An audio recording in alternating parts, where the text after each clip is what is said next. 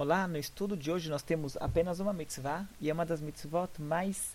importantes da Torá, que é a mitzvah do estudo da Torá. Estudar Torá, esse é um, é um mandamento. E na Hassidut e na Kabbalah explica a importância dessa mitzvah, pois através dessa mitzvah nós conseguimos uma conexão com o Criador que é inigualável, que não conseguimos com nenhuma outra mitzvah. E a razão para isso é porque a, a Torá ela é chamada na, na, na Kabbalah de a sabedoria de Deus e através que mesmo nos níveis mais simples, né, a Torá ela tem vários níveis de interpretação e de profundidade, e mesmo nos níveis mais superficiais e mais e o sentido mais literal da Torá, ele também é sabedoria de Deus. E quando nós estudamos Torá, nós estamos internalizando esse conhecimento, trazendo isso aqui, fazendo parte do nosso conhecimento. Diferente de qualquer outra mitzvah, que quando nós fazemos uma mitzvah, a gente pode estar envolvido com a mitzvah naquele momento, mas depois que a gente termina o cumprimento da mitzvah,